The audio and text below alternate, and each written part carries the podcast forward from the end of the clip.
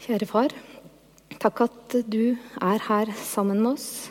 Herre, du ser at her er vi, og vi kommer til deg.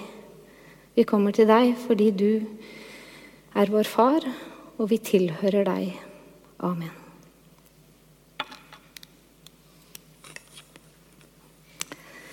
Ord som hverandre og vi og fellesskap og menighet og kirke skal få fokus i dag. Og vi har visjonen vår som tema, som Torgeir har sagt. Og vi skal snakke om for hverandre i den versjonen i dag. Og de to neste søndagene så skal vi ut i verden. Og Egil han avsluttet sin tale sist søndag med et bibelvers fra Johannes 13. Et nytt bud gir jeg dere. Dere skal elske hverandre. Som jeg har elsket dere, skal dere elske hverandre. Ved det skal alle forstå at dere er mine disipler, at dere har kjærlighet til hverandre. Når vi har kjærlighet til hverandre, så blir Jesus synlig for menneskene rundt oss, slik at flere ønsker å komme til ham med sine liv. Og Jeg skal forsøke å være i dette for hverandre-perspektivet. For de tre setningene de hører jo sammen. De står i en sammenheng, og det er nødvendigvis ikke enkelt eller riktig å løsrive seg fra det som egentlig står i en uløselig sammenheng. Forankringen for vårt liv og virke må være i Jesus. Og sammen har vi et ansvar for å bringe Kristus til verden. Men mitt fokus skal være for hverandre, og da er det nærliggende for meg å snakke om det i rammene av menighetsfellesskapet. Og Egil han sa noen fine ord sist søndag om hva det er å være menighet, hva det er å være kirke, og hva det vil si å være et medlem i et kristenfellesskap. Han snakket om hvem vi representerer når vi er en del av kirken. Og vi er et del av et imperium, og Ryenmerget menighet er en av Jesu tjenere i Norge, som når vi er samlet, har fått en autoritet, ikke som enkeltpersoner, men som en del av Guds folk. Vi skal lese dagens tekst, som står i Apostlenes gjerninger, kapittel 6. På den tiden, da tallet på disipler stadig steg, kom de gresktalende jødene med klager mot de hebraisktalende fordi deres egne enker ble tilsidesatt ved den daglige utdelingen. De tolv kalte da sammen alle disiplene og sa det ville være galt om vi forsømte Guds ord for å gjøre tjeneste ved bordene. Velg nå ut blant dere brødre syv menn som har godt ord på seg og er fylt av ånd og visdom dem vil vi sette til denne oppgaven. Så skal vi vie, skal vi vie oss til bønnen og tjenesten med ordet. Og dette forslaget ble tatt godt imot av hele forsamlingen, og de valgte Stefanus, en mann fylt av tro og hellig ånd, og Philip. Prokoros, Nikanor, Timon, Parmenas og Nikolaus, en proselytt fra Antiokia. Disse ble ført fram for apostlene, som ba og la hendene på dem. Guds ord nådde stadig flere, og tallet på disipler i Jerusalem økte sterkt. Også en stor flokk av prestene ble lydig mot troen.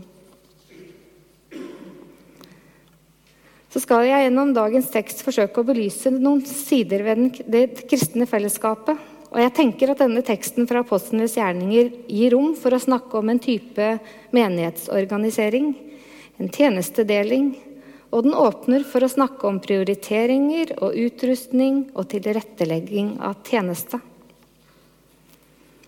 I en bok om smågrupper i menigheten fant jeg en betegnelse. Eh, og det var himmelsk design. Det kristne fellesskapet er et himmelsk design som det er verdt å se litt nærmere på. For jeg tror vi trenger å minne hverandre om hvem vi tilhører som fellesskap, og hvem det er som viser oss og utruster oss den veien vi skal gå. Og I tillegg så kan det være fint i dag å peke på noen av de fine bildene i Bibelen som viser oss noe om menighetsfellesskapet. Det at vi er Guds folk, det at vi er Kristi kropp, og at vi er Den hellige ånds tempel. Og det illustrerer Kirken som et annerledes fellesskap. Og den sier noe også om noe, hvordan vi skal løse dette oppdraget vi har fått av Kirkens Herre. Vi trer på en måte inn i en ny fase i Kirkens første historie. Og dette var jo en periode i Kirken som var preget av sterk vekst. Det er jo egentlig en veldig god nyhet vi leser om i dag, at Kirken øker, og det blir flere disipler. Eh, men så fører jo også det noen utfordringer med seg. Og I tillegg så ser vi at det er litt vanskeligheter eh, i menigheten. Og vi vet også at Kirken står overfor forfølgelse. Det er noen som etter hvert ser sider ved Kirken som ikke blir likt og akseptert. Og de indre vanskelighetene de dreier seg om den daglige utdelingen, og at det er spenninger mellom ulike grupperinger i menigheten. De gresktalende jødene klager over at deres enker fikk mindre enn de hebraisktalende. Og det sier oss også noe om at menigheten besto av mange ulike grupperinger, og også kanskje mennesker fra ulike sosiale lag. Vi kan ane at apostlene har travle dager. Kanskje var det de som hadde ansvar for matutdelingen, i tillegg til å ta hånd om undervisning og forkynnelse og bønn. Så melder behovet seg for flere organiserte tjenester som en konsekvens av de utfordringer de står overfor.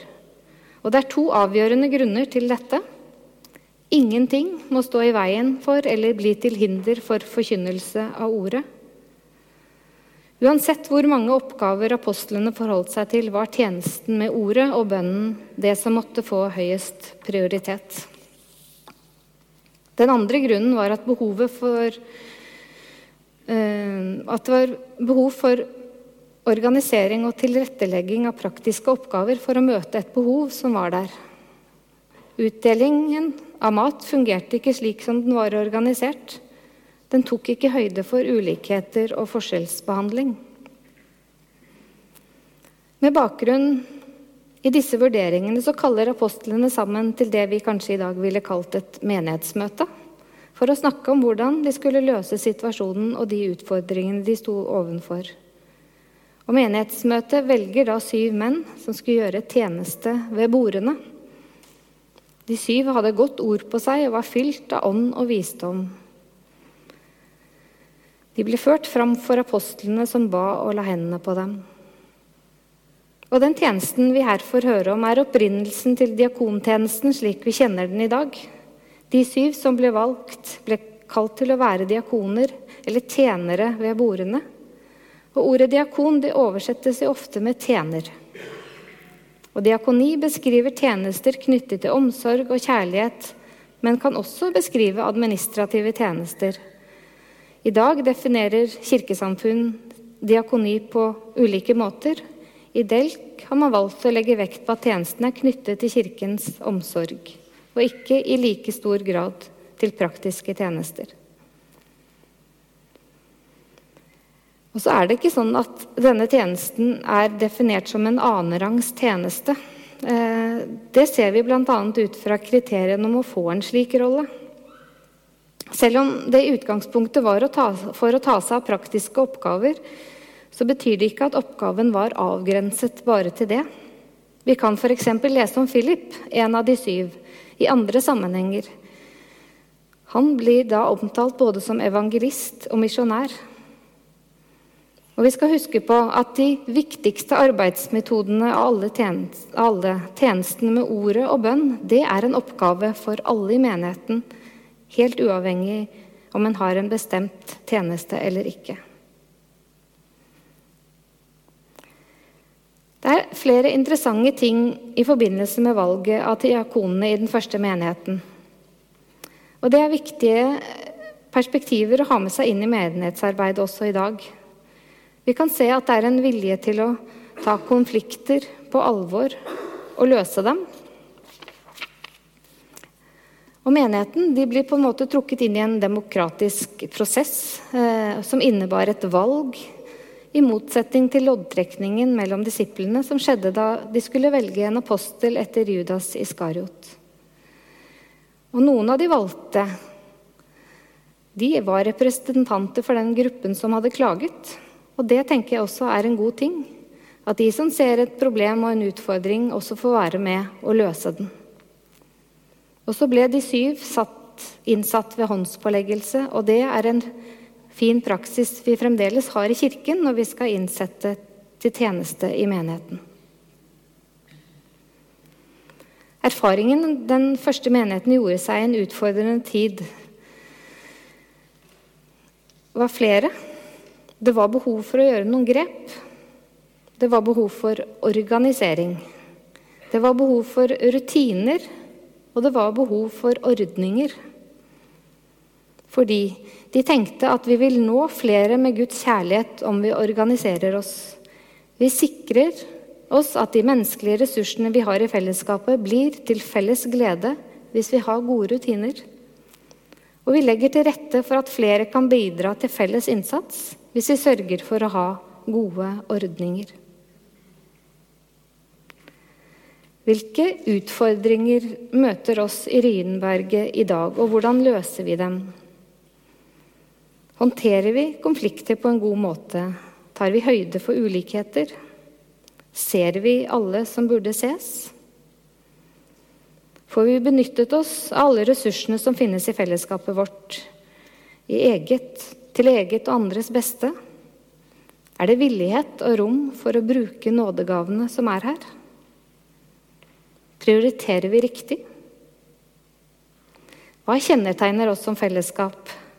Merkes det hvem vi er, og at vi er et kristen fellesskap i vårt nabolag?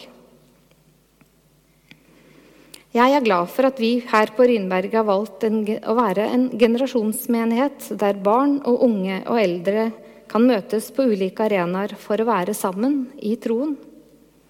Og De siste årene har barna, større, barna og de unge fått en større og mer synlig plass i menigheten vår, slik at de også blir sett og hørt og møtt på en god måte.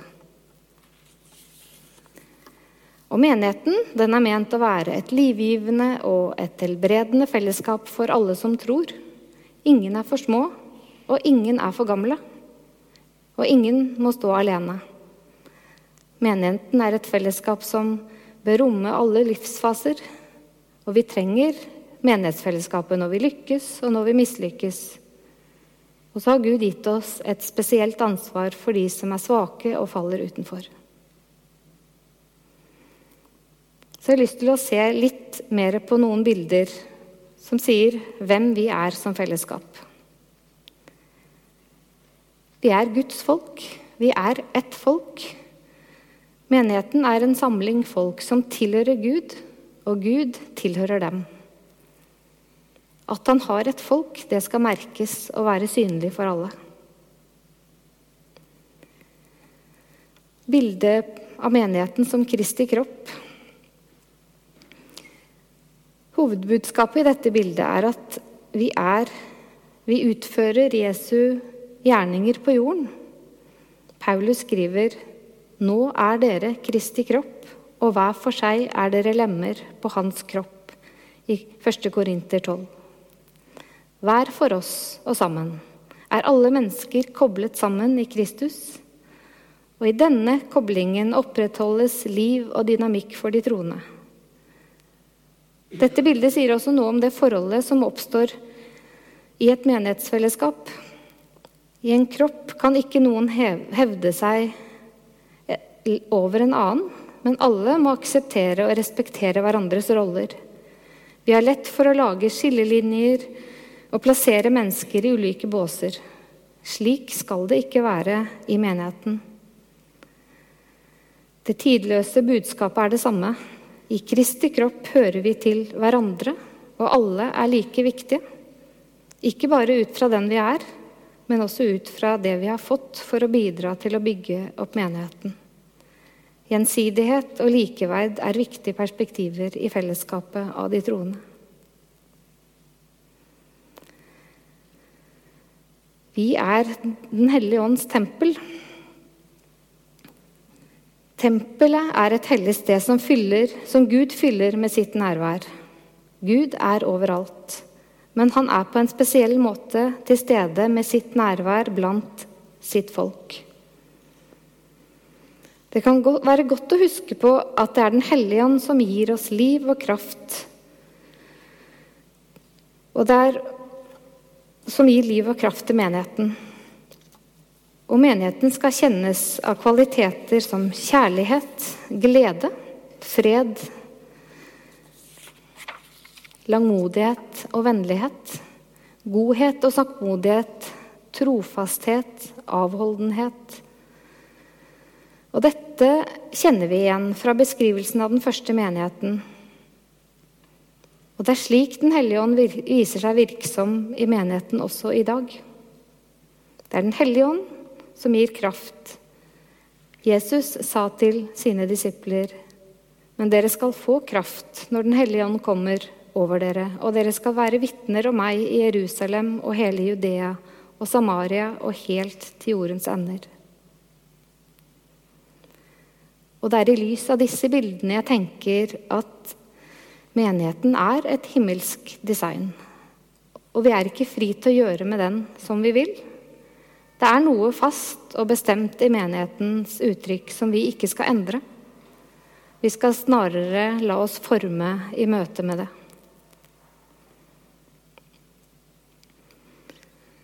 Og så vet vi også at i tråd med den tidlige kirkens lære, så må en sunn menighet holde fast på læren og holde fast på fellesskapet.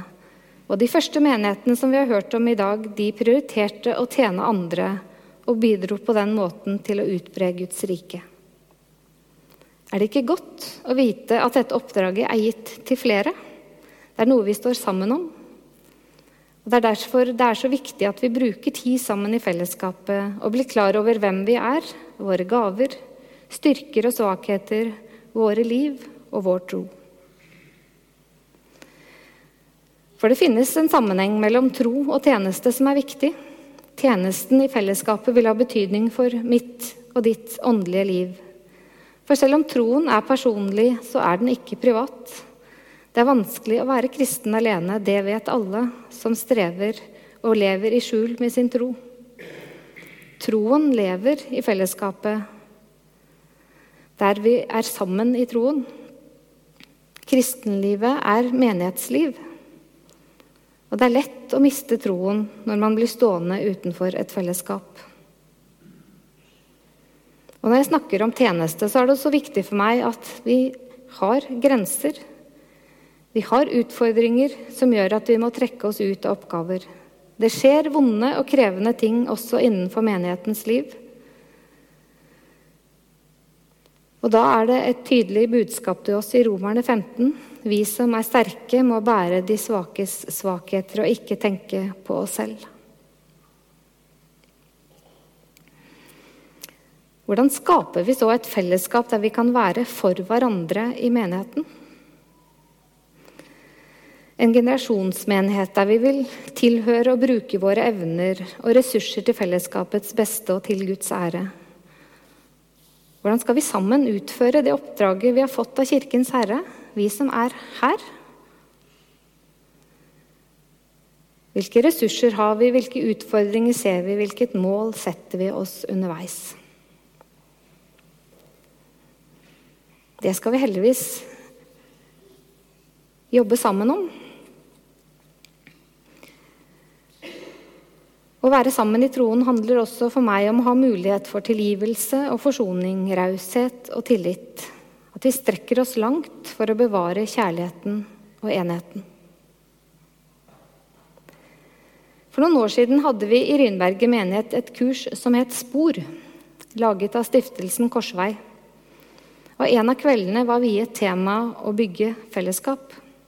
Det var fine kvelder med gode møtepunkter der vi fikk mulighet til å bli bedre kjent med hverandre og lære mer om det å være sammen i troen.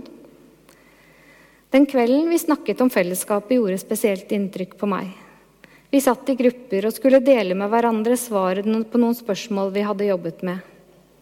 Hva ønsker du av fellesskapet? Beskriv det som for deg er kjennetegnet på et godt fellesskap. Hvordan kan du bidra til et slikt fellesskap? Hva utfordrer deg? Det tredje spørsmålet, eller det tredje punktet, er det spørsmålet som virkelig har festet seg hos meg, og som har blitt viktige ting i min hverdag. Hvem ser du, og hvem ser deg i fellesskapet? Hvem ser du, og hvem ser deg? Og da var det flott å merke i den gruppen hvor jeg var, at der var det noen som så andre enn de jeg så. Og de hadde noen de var nærere knyttet til det vil si at de opplevde seg også sett og møtt av noen.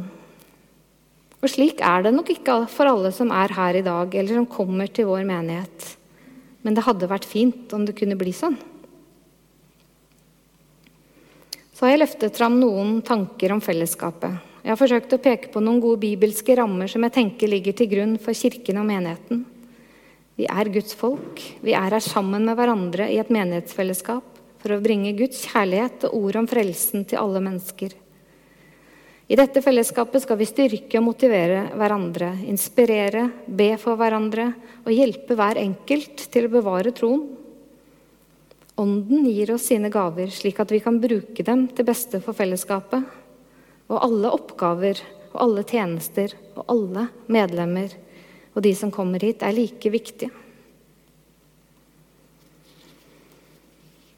Og så er det alltid vanskelig å snakke om tjeneste og å sette ord på fellesskapet, fordi vi sikkert hver enkelt har en egen opplevelse av dette fellesskapet, av andre fellesskap, og av det å bli stilt eh, overfor det å gjøre tjenester.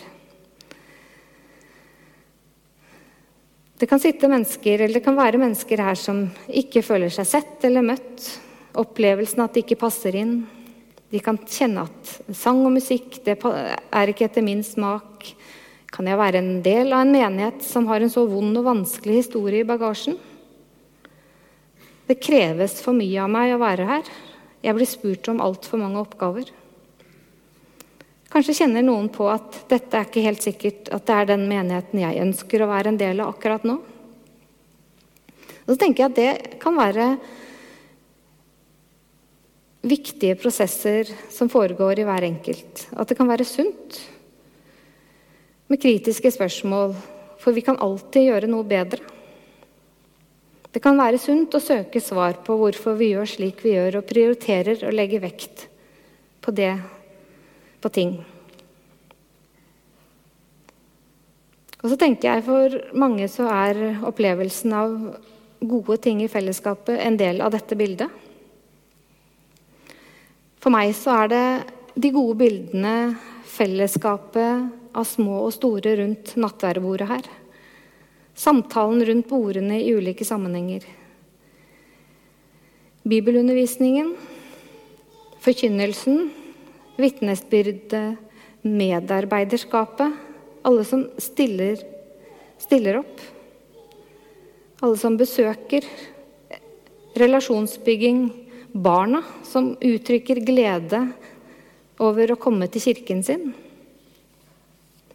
Og det rommet som skaper slik at mennesker kan bidra med gode evner og gaver, enten i praktisk organisering eller mange av de andre aktivitetene som foregår her.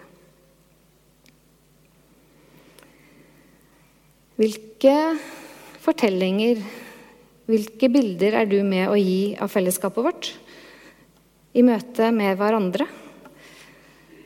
Hvilke bilder, hvilke historier, hvilke fortellinger er det som, som preger oss når vi møtes?